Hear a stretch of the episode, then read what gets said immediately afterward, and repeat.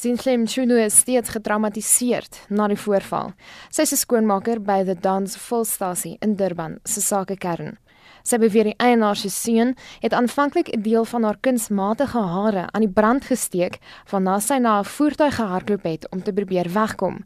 Die man het haar agterna gesit. He came and the, uh, with a tin of the petrol and he poured it on the floor inside in the car. He put the petrol on my leg If I asked, he said, No, Z, I can bend you. I said, No, you can't bend me.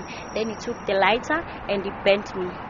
After that, he took me to the hospital.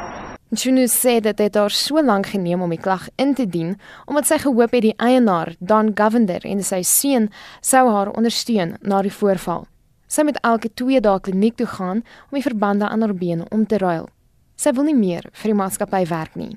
Didn't come and help. He didn't support me. He didn't do anything until now. I didn't get anything by, by them. They didn't do anything. They didn't even support me with the small things. I need so much of tablets. I need anything.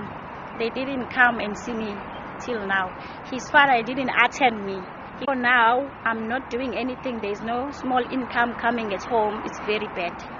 Govender, die volstasie se eienaar, sê hy is bewus van die voorval, maar weier om kommentaar te lewer. Hier 'n verslag deur Vanelle Mhlongo in Durban en ek is Marlene Forsie vir SAK nuus.